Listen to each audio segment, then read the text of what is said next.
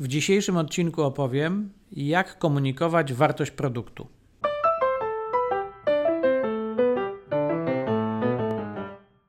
Niezapracowani. Podcast o sukcesie i wolności w biznesie. Zapraszam, Filip Nowicki.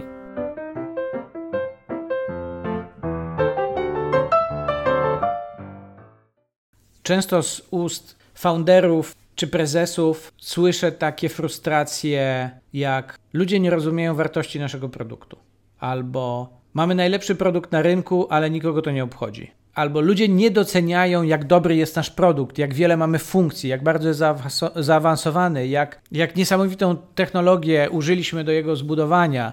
I tu pada AI, i y, inteligentne algorytmy, i mnóstwo danych i tak dalej, i tak dalej. I dlaczego nikogo to nie obchodzi? Dlaczego po prostu ludzie nie dają temu jakiejś wagi, nie poświęcają nam chwili swojej uwagi, czasu, żeby się z tym zapoznać, żeby zrozumieć nasz produkt? Jest to frustrujące, zdecydowanie rozumiem, jest to frustrujące, kiedy nad czymś pracujemy, wkładamy w to mnóstwo pracy, wiemy, że budujemy produkt na wysokim poziomie, bardzo wysokiej jakości i trudno jest się z tym przebić na rynek i pozyskiwać odbiorców. Rozumiem tą frustrację, byłem tam wiele razy. Moje doświadczenie w tym zakresie jest takie i takie przemyślenie, że pierwsze kilkanaście lat mojej kariery zawodowej poświęciłem na tworzenie i rozwijanie produktów subskrypcyjnych, wydawniczych. Na początku były to produkty, publikacje drukowane, mówiąc wprost, o różnych formatach, o różnym kalendarzu, jeśli chodzi o częstotliwość wydawania e, w różnych modelach cenowych, ale wszystko to były produkty subskrypcyjne i to jest pewien model, który wspólnie z moimi kolegami i koleżankami żeśmy analizowali, rozwijali, pogłębiali i uczyli się go przez kilkanaście lat. Produkty subskrypcyjne, nieważne czy na rynek B2B, czy na B2C, czy one są technologiczne, czy nazwijmy to bardziej analogowe, one rządzą się pewnymi prawami i myślę, że tą sferę biznesu dosyć dobrze poznałem. Natomiast potem w którymś momencie te produkty papierowe przenosiły się do internetu.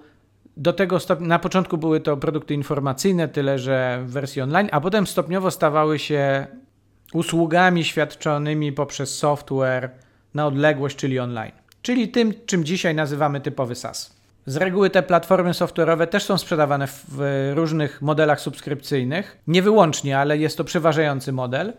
I co ciekawe, pewna dynamika między dostawcą, produktem a odbiorcą jest podobna. Jest taka sama, czy bardzo podobna, jak to było kiedyś w publikacjach. I to pozwoliło mi przez ostatnie parę lat skutecznie pomagać tym biznesom software'owym w wejściu na rynek i potem w rozwoju, w pozyskiwaniu klientów i skalowaniu. Jak się okazuje, format produktu nie ma takiego znaczenia, to znaczenie jest drugorzędne. Dynamika między nami jako dostawcą produktu a rynkiem, czyli odbiorcami, jest taka sama. To, czy coś jest na papierze, czy jest w komputerze albo na ekranie, to naprawdę nie ma wielkiego znaczenia. Natomiast problem czy wyzwanie pozostaje to samo. Jak w sposób skuteczny komunikować ludziom, jaką wartość niesiemy z tym produktem, w czym im to pomoże. Pierwszy krok, żeby tą komunikację stworzyć, to jest odpowiedź na pytanie, kim jest odbiorca, kim jest grupa docelowa. Chodzi o to, żeby ich scharakteryzować, znaleźć cechy wspólne, szczególnie w przypadku software'u SaaS, który z reguły jest kierowany do branży SMB, do biznesu. Demografia nie ma takiego znaczenia. Natomiast cele, wyzwania, problemy, wspólne cechy, być może wielkość przedsiębiorstwa albo jego branża, albo jakieś inne uwarunkowania rynkowe, czasem lokalizacja, to są te parametry, przez które opisujemy grupę docelową i staramy się znaleźć taki zbiór tych parametrów, tych cech, żeby można było powiedzieć, że w ten sposób opisujemy w miarę homogeniczną, czyli jednorodną grupę odbiorców, czyli tworzymy segment pewien konkretny, nadajemy mu nazwę i opisujemy go poprzez te cechy, żebyśmy z absolutną pewnością wiedzieli, kiedy na przykład z kimś rozmawiamy, czy należy do tej grupy docelowej, czy nie. Inna praktyczna strona bardzo precyzyjnego targetowania jest taka, że jeżeli korzystamy z reklamy płatnej, to i tak musimy na te pytania sobie odpowiedzieć, kiedy konfigurujemy kampanię, więc y, to jest jakby pierwszy krok. Pierwszy krok to jest, kto to jest. ten, kto ma być naszym klientem, ten, kto ma być naszym odbiorcą, ten, kto ma korzystać z naszego produktu. Kto to jest? To jest to pierwsze pytanie. Drugie pytanie to jest, jaki ma problem lub cel, czyli czego on chce, jak bardzo ten problem jest bolesny lub jak bardzo jest pilny. Jeżeli mówimy o problemie, który ma małą wagę, niskie znaczenie w życiu tego naszego odbiorcy, w życiu prywatnym czy biznesowym, no to jego motywacja, żeby ten problem rozwiązać, jest mniejsza. Jeżeli to jest problem o dużej, stanowiący dużą niedogodność, czy sprawiający duży ból, tu w cudzysłowie, to motywacja naszego odbiorcy, żeby go rozwiązać, jest znacznie większa. Więc oczywiście lepiej, takie trywialne stwierdzenie, lepiej jest budować y, produkty, które rozwiązują trudne problemy i bolesne problemy, a najlepiej, żeby były trudne, bolesne i jeszcze na dodatek pilne. Trochę tak jak do dentysty. Jak wchodzimy z bolącym zębem, to nie, z reguły nie pytamy, ile kosztuje to borowanie i, i, plomba czy leczenie, prawda? A jak chcemy sobie coś upiększyć, no to będziemy analizowali rynek, oglądali różne gabinety, pytali, jaka jest oferta, jaki jest cennik i się zastanawiali, czy chcemy tutaj sobie wybielić zęby, czy tam. Czyli podobnie jak w przypadku określania grupy docelowej, które musi być jak najbardziej precyzyjne, z problemem jest podobnie. Musimy jak najbardziej precyzyjnie go opisać, umieć go nazwać bo wtedy ludzie, którzy to usłyszą, że to jest ta rzecz, z którą my pomagamy sobie poradzić, będą na to mogli zareagować. Jeżeli opisujemy problem w sposób bardzo ogólny, to nikomu to nie włączy takiego sygnału alarmowego w głowie na zasadzie, o to jest to, czego ja potrzebuję, albo to jest to, z czym ja muszę sobie poradzić i do tej pory nie potrafiłem. Czy jakby budowanie tej skutecznej komunikacji polega na tym, że ludziom w głowie się otwierają jakieś tam klapki dlatego że oni rozumieją, że ta, ta komunikacja jest do nich. I pierwszy krok to jest powiedzieć, umieć powiedzieć, do kogo my to kierujemy, nazwać tą grupę. W taki sposób, w jaki ta grupa się sama identyfikuje. Jeżeli nazwiemy tą grupę przy pomocy słów czy określeń, których oni nie używają na co dzień, to też się nie zidentyfikują. Czyli trzeba jakby tą grupę wywołać z tłumu, nazwijmy to, ich własnymi słowami, ich własnym sposobem identyfikacji. Podobnie z problemem. Musimy umieć nazwać ten problem tak, jak nazywają go nasi odbiorcy. I wtedy oni zrozumieją, aha, to jest problem, który ja znam, który mam, albo który przeczuwam, że nadejdzie, w związku z czym muszę podjąć jakieś kroki, albo po prostu tu już mi się w ogóle sufit wali na głowę i, i yy, muszę natychmiast działać, muszę natychmiast znaleźć rozwiązanie. I trzeci krok to jest to unikalne rozwiązanie. Dlaczego unikalne? Dlatego, że jeżeli będziemy potrafili przedstawić to, co my oferujemy, ten nasz produkt, w taki sposób, kiedy rynek będzie mówił: No tak, nie ma niczego takiego, do czego można byłoby to tak wprost porównać, nie ma niczego takiego samego na rynku, to siłą rzeczy trafimy do wyobraźni jakiejś tam grupy odbiorców, którzy powiedzą: To jest dla mnie najlepsze rozwiązanie. Ono jest jedyne takie, to, to jest jedyny partner, z którym ja będę pracował, żeby ten mój problem rozwiązać albo ten mój cel osiągnąć. Ale też musimy umieć nazwać to rozwiązanie, i w ten sposób tworzymy ten nasz komunikat w oparciu o te trzy nazwijmy to zmienne, o te trzy pytania. Kto jest moim odbiorcą? Czego on chce? Lub inaczej, jaki ma problem lub cel? I na czym polega rozwiązanie, albo w jaki sposób on uzyskuje to rozwiązanie te, tego swojego problemu, lub w jaki sposób osiąga ten cel. I ta ostatnia część mówi o nas jako dostawcach produktu, o tym produkcie, ale też musi być to powiedziane w taki sposób, żeby oni natychmiast zrozumieli, że to jest najlepsze rozwiązanie dla nich w ich sytuacji. Ja pomagam founderom platform SaaS generować wzrost w oparciu o sprawdzone strategie. Jest tutaj parę takich zwrotów, które są zakazane, w mojej opinii, żeby było jasne. To jest tylko moja tutaj wykładnia czy interpretacja. Mianowicie cena czy jakość. Lepsze czy najlepsze czy najtańsze. Nie mówcie o tym, prezentując swój produkt, bo po pierwsze, wasz konkurent może jak usłyszy waszą komunikację, to może obniżyć cenę poniżej waszej i już nie będziecie najtańsi. To jest bardzo względne. Po drugie, cena nie ma znaczenia. Jeżeli macie dobre rozwiązanie, to ludzie są gotowi zapłacić za to właściwą, uczciwą cenę, która wcale nie jest najniższa, dlatego że to rozwiązanie spełnia dokładnie ich oczekiwania i rozwiązuje duży i ważny problem w ich życiu czy w ich biznesie. Jakość jest pojęciem bardzo względnym. Trudno jest powiedzieć, że coś jest najlepszej jakości, bo niby jak to porównać. W związku z czym czasami, takie jest moje jakby widzenie tego, czy rozumienie, interpretacja tego, jak słyszę, że ktoś coś mówi o jakości swojego produktu. Ja to rozumiem, nie macie ni nic do powiedzenia konkretnego, więc wrzucacie jakość. Nie potraficie powiedzieć o swoim produkcie nic unikalnego, nic specyficznego. I dzisiaj można powiedzieć, że na tym rynku software'u trzecim takim zakazanym terminem, y, którego uważam, że nie należy używać, to jest AI, czy sztuczna inteligencja, czy machine learning. Teraz wszyscy mają machine learning. Jest to bardziej lub mniej mijające się z prawdą stwierdzenie, ale mnóstwo firm tego używa. Myślę, że większość nadużywa. A co gorsze, naszemu odbiorcy to w żaden sposób nie pomaga ocenić i podjąć decyzję, czy to jest właściwe rozwiązanie dla mnie. No bo ono tak naprawdę nic nie znaczy. To, jest taki, to są takie wypełniacze, które powodują, że my tworzymy jakiś komunikat, ale on jest ogólny, nieprecyzyjny i w zasadzie skierowany do nikogo.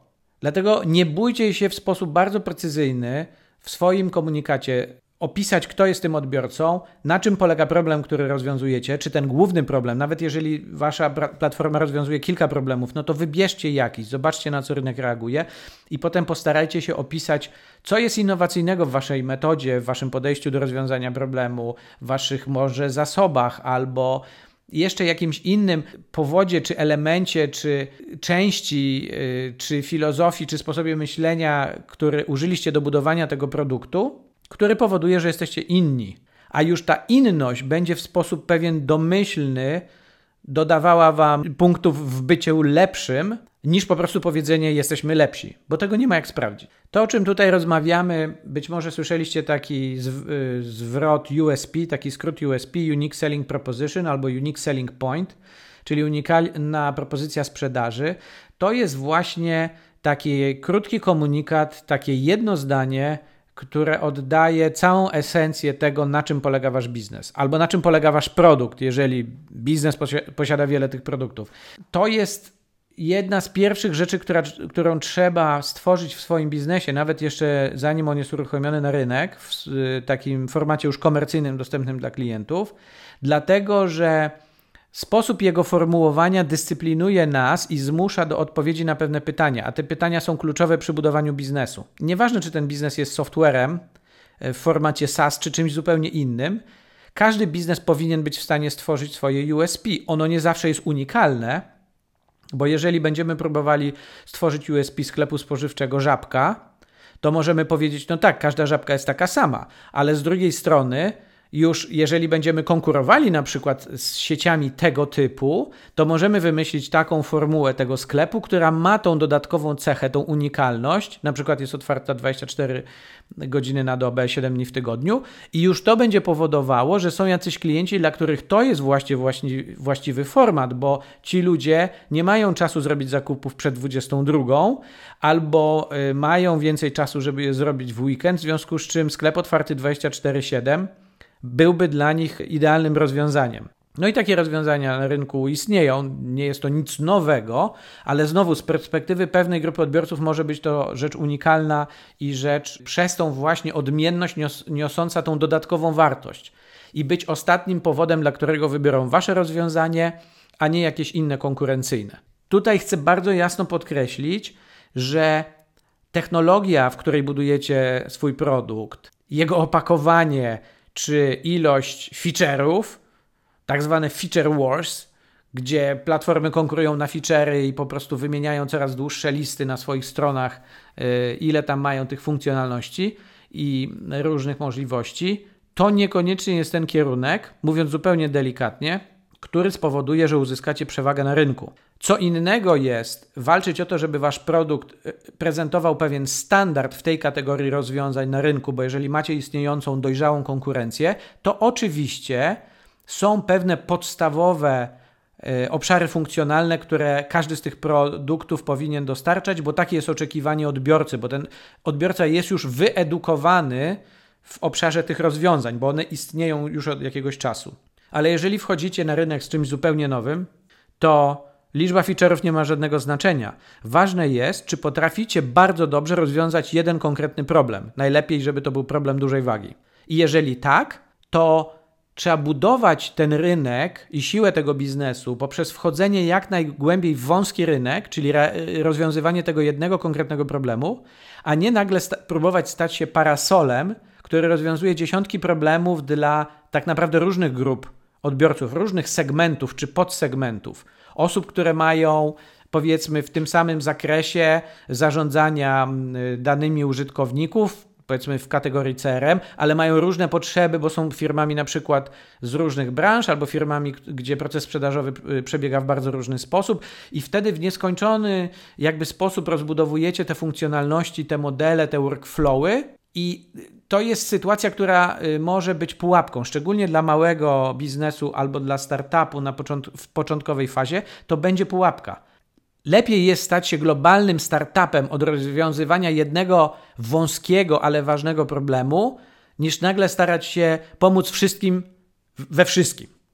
No to jest, tak się nie da. I, i cała ta przestrzeń, zwłaszcza software'u online, no już jest tak bogata i tak rozbudowana, że chyba nie da się już nic wymyślić nowego, gdzie już ktoś czegoś nie próbował albo gdzie nie ma już jakiejś e, konkurencji. Czyli najprostszy format na stworzenie tego USP, tej komunikacji, która niesie wartość produktu, jest oparty o te trzy elementy: odbiorca, problem, rozwiązanie. I może brzmieć mniej więcej w taki sposób: pomagam komu, tu wstawiam odbiorcę, rozwiązać jaki problem albo osiągnąć jaki cel poprzez, i tu jest moje rozwiązanie. Pomagam founderom platform SaaS generować wzrost w oparciu o sprawdzone strategie. To jest to, co ja robię. To jest to, na czym najwięcej spędzam czasu. Pomagam takim biznesom wejść na rynek, a potem się na tym rynku rozwijać. I korzystam ze sprawdzonych strategii, bo nie jestem marzycielem, który ludziom przekazuje swoje mm, przemyślenia i fantazje i teorie, tylko staram się na każdy z tych problemów, jaki mogą napotkać, znaleźć rozwiązanie, z którym ja już pracowałem i wiem, że ono było skuteczne. W ostatnich kilku latach pracowałem po, przez ponad 4 lata bardzo blisko z Google w programie Premier Partnership Program, gdzie zapraszano SASy właśnie różnej wielkości do tego, żeby budowały czy też rozwijały swoją usługę, włączając do niej usługę Google Ads w jakiś sposób zautomatyzowaną czy połączoną z ich y, oryginalną usługą. Czyli tak naprawdę nasz projekt polegał na tym, że wchodził taki SaaS, który już miał jakąś, jakiś produkt, implementował obsługę reklam Google i robił nowy launch na rynku tego nowego produktu, tej wersji 2.0. Miałem okazję przez te 4 lata pracować one on one, czyli bezpośrednio, z około 200 takimi firmami. W całej Europie, nawet poza Europą. Nawet miałem okazję pracować z firmami z Azji. I wyobraźcie sobie poziom konkurencji i pewnego napięcia wśród tych partnerów, kiedy oni wiedzą, że wszyscy, mieliśmy również takie spotkania grupowe i różne eventy, że wszyscy ludzie siedzący na tej sali chcą dokładnie tego samego co oni. Chcą włączyć tą reklamę Google i dzięki temu pomagać swoim klientom rozwijać ich biznesy szybciej, lewarować je poprzez tą reklamę. Czyli każdy, można powiedzieć, w pewien sposób dążył do tego samego celu. I w pewien sposób tymi samymi narzędziami, bo mieli tego samego partnera. Natomiast bardzo ważny element naszej pracy to było właśnie wspieranie ich w tworzeniu tego USP, tak żeby oni ze świadomością, że wchodzą na rynek kilkudziesięciu tysięcy takich partnerów i firm, na przykład agencji, które niekoniecznie mają ten, y, y, ten partnerski badge i są w jakimś tam relacji ale świadczą te usługi z rynku reklamy i to nie tylko z tej platformy, ale y, też z pozostałych platform. Jaki sposób komunikować to, co robimy, żeby nasi odbiorcy rozumieli, że to jest inne niż to, co słyszeli na spotkaniu sprzedażowym y, czy zapoznawczym, na przykład z jakąś agencją czy z jakimś produktem w zeszłym tygodniu. Więc to było bardzo duże wyzwanie. Natomiast mogę Wam y, powiedzieć i tutaj poświadczyć, że ten krok był y, szczególnie ważny, i mimo tego, że pracowałem z bardzo wieloma firmami, które operowały, można powiedzieć, w tej samej przestrzeni, tworzyliśmy mnóstwo unikalnych komunikatów, które oddawały naturę i sposób realizacji tego celu czy tego problemu, który mieli ich odbiorcy. Ci odbiorcy nie byli dla wszystkich z tych partnerów identyczni. Niektórzy byli ukierunkowani geograficznie, technologicznie, jeśli chodzi o wielkość produktu, jeśli chodzi o Y, wielkość y, y, firmy, odbiorcy, jeśli chodzi o branżę. Ważnym jakby tutaj podziałem było, czy, czy odbiorca to jest firma o charakterze e-commerce, czy nie i tak dalej, i tak dalej. Tych zmiennych tak naprawdę, mimo tego, że na pierwszy rzut oka wydaje się, że to jest taki sam rynek, jest wiele I chodzi o to, żeby wynajdywać te niuanse i te różnice pomiędzy nami czy naszymi odbiorcami, bo to, czy naszymi rozwiązaniami, bo to nam pomaga stworzyć lepszą komunikację i lepszy przekaz, y, to USP, czyli tą unikalną propozycję sprzedaży, tak żebyśmy byli na rynku zrozumieni w sposób właściwy. Bo wtedy, kiedy coś takiego y, macie na swojej stronie sprzedażowej czy na landing page'u w formie nagłówka nawet, albo w reklamie, albo gdzieś w innych materiałach sprzedażowych, to ta informacja będzie filtrowała tych ludzi, którzy będą dalej z wami jakby wchodzić głębiej w ten lejek sprzedażowy. Oni będą dalej e, chcieli e, utrzymywać jakąś relację, jakąś interakcję z wami, żeby dowiedzieć się więcej o produkcie i potem o warunkach i o realiach tej współpracy. Więc bardzo ważne jest, żeby tego, użyć tego swego rodzaju filtr na samym początku, żeby przyciągać właściwych odbiorców, czyli osoby, które opisaliśmy, odpowiadając na to pierwsze pytanie, i co więcej, osoby, które mają ten problem lub cel, który my potrafimy rozwiązywać, i wciągać ich do tego lejka y, dalej, po to, żeby po prostu oni nam oferowali swój czas na tą dalszą relację i dalszą rozmowę, żebyśmy mogli prowadzić proces sprzedażowy i w końcu powitać ich w gronie naszych odbiorców. Kiedy to USP należy stworzyć? Oczywiście przed startem na rynek, kiedy robimy launch nowego produktu kiedy robimy relaunch po jakimś pivocie, po jakichś zmianach, po jakimś upgrade'zie czy rozbudowie funkcjonalnej, warto nawet w biznesie, który funkcjonuje, ma już pewną renomę i, i pewną trakcję, ma swoją dynamikę, warto od czasu do czasu przejrzeć to, te USP czy tą komunikację marketingową po to, żeby ją zaktualizować albo poprawić, albo uszczegółowić, doprecyzować, wzmocnić i to jest też taka praca, którą od czasu do czasu po prostu trzeba wykonywać. Nawet jeżeli nic wielkiego się nie dzieje, to też aktualizowanie, obserwowanie tego, co się dzieje na rynku, może Wam dostarczyć wskazówek, jak lepiej sformułować ten komunikat. To jest coś, co trzeba mieć jakby z tyłu głowy, czy my mamy najlepszy sposób na to, żeby komunikować, jak dużą wartość możemy nieść naszym klientom. Taki jest dokładnie tego cel a y, jakby taki praktyczny cel tego USP jest tak naprawdę, żeby otworzyć drzwi i otworzyć sobie drogę do tego, żeby móc kontynuować rozmowę z tym prospektem, z tym potencjalnym klientem. Samo USP niekoniecznie musi sprzedawać, to niekoniecznie musi działać tak. Czasem to, co powoduje, że klient mentalnie kupuje wasze rozwiązanie, to może tak się zdarzyć, ale generalnie to nie jest jakby narzędzie, które zamyka sprzedaż. To jest narzędzie, które otwiera przestrzeń do rozmowy o tym, czym jest wasze rozwiązanie, jakie potrzeby ma klient i czy współpraca jest tym najlepszym, co może być i dla niego, i dla was. Jeżeli to jest temat, z którym się zmagasz w swoim biznesie, albo myślisz, że mógłbym Ci jakoś pomóc, to w opisie do tego odcinka jest link, gdzie możesz się umówić ze mną na 30-minutowe konsultacje, które są bezpłatne. To nie jest rozmowa sprzedażowa, to jest rozmowa, która ma mi pomóc zrozumieć, e, z jakim problemem się zmagasz, a tobie uzyskać jakieś wskazówki, jak dalej e, postępować, jak dalej pracować nad swoim biznesem, żeby docierać do właściwych osób, pozyskiwać ich jako klienci, rozwijać się i budować ten biznes długofalowo i w sposób trwały. Pozdrawiam i do usłyszenia w kolejnym odcinku.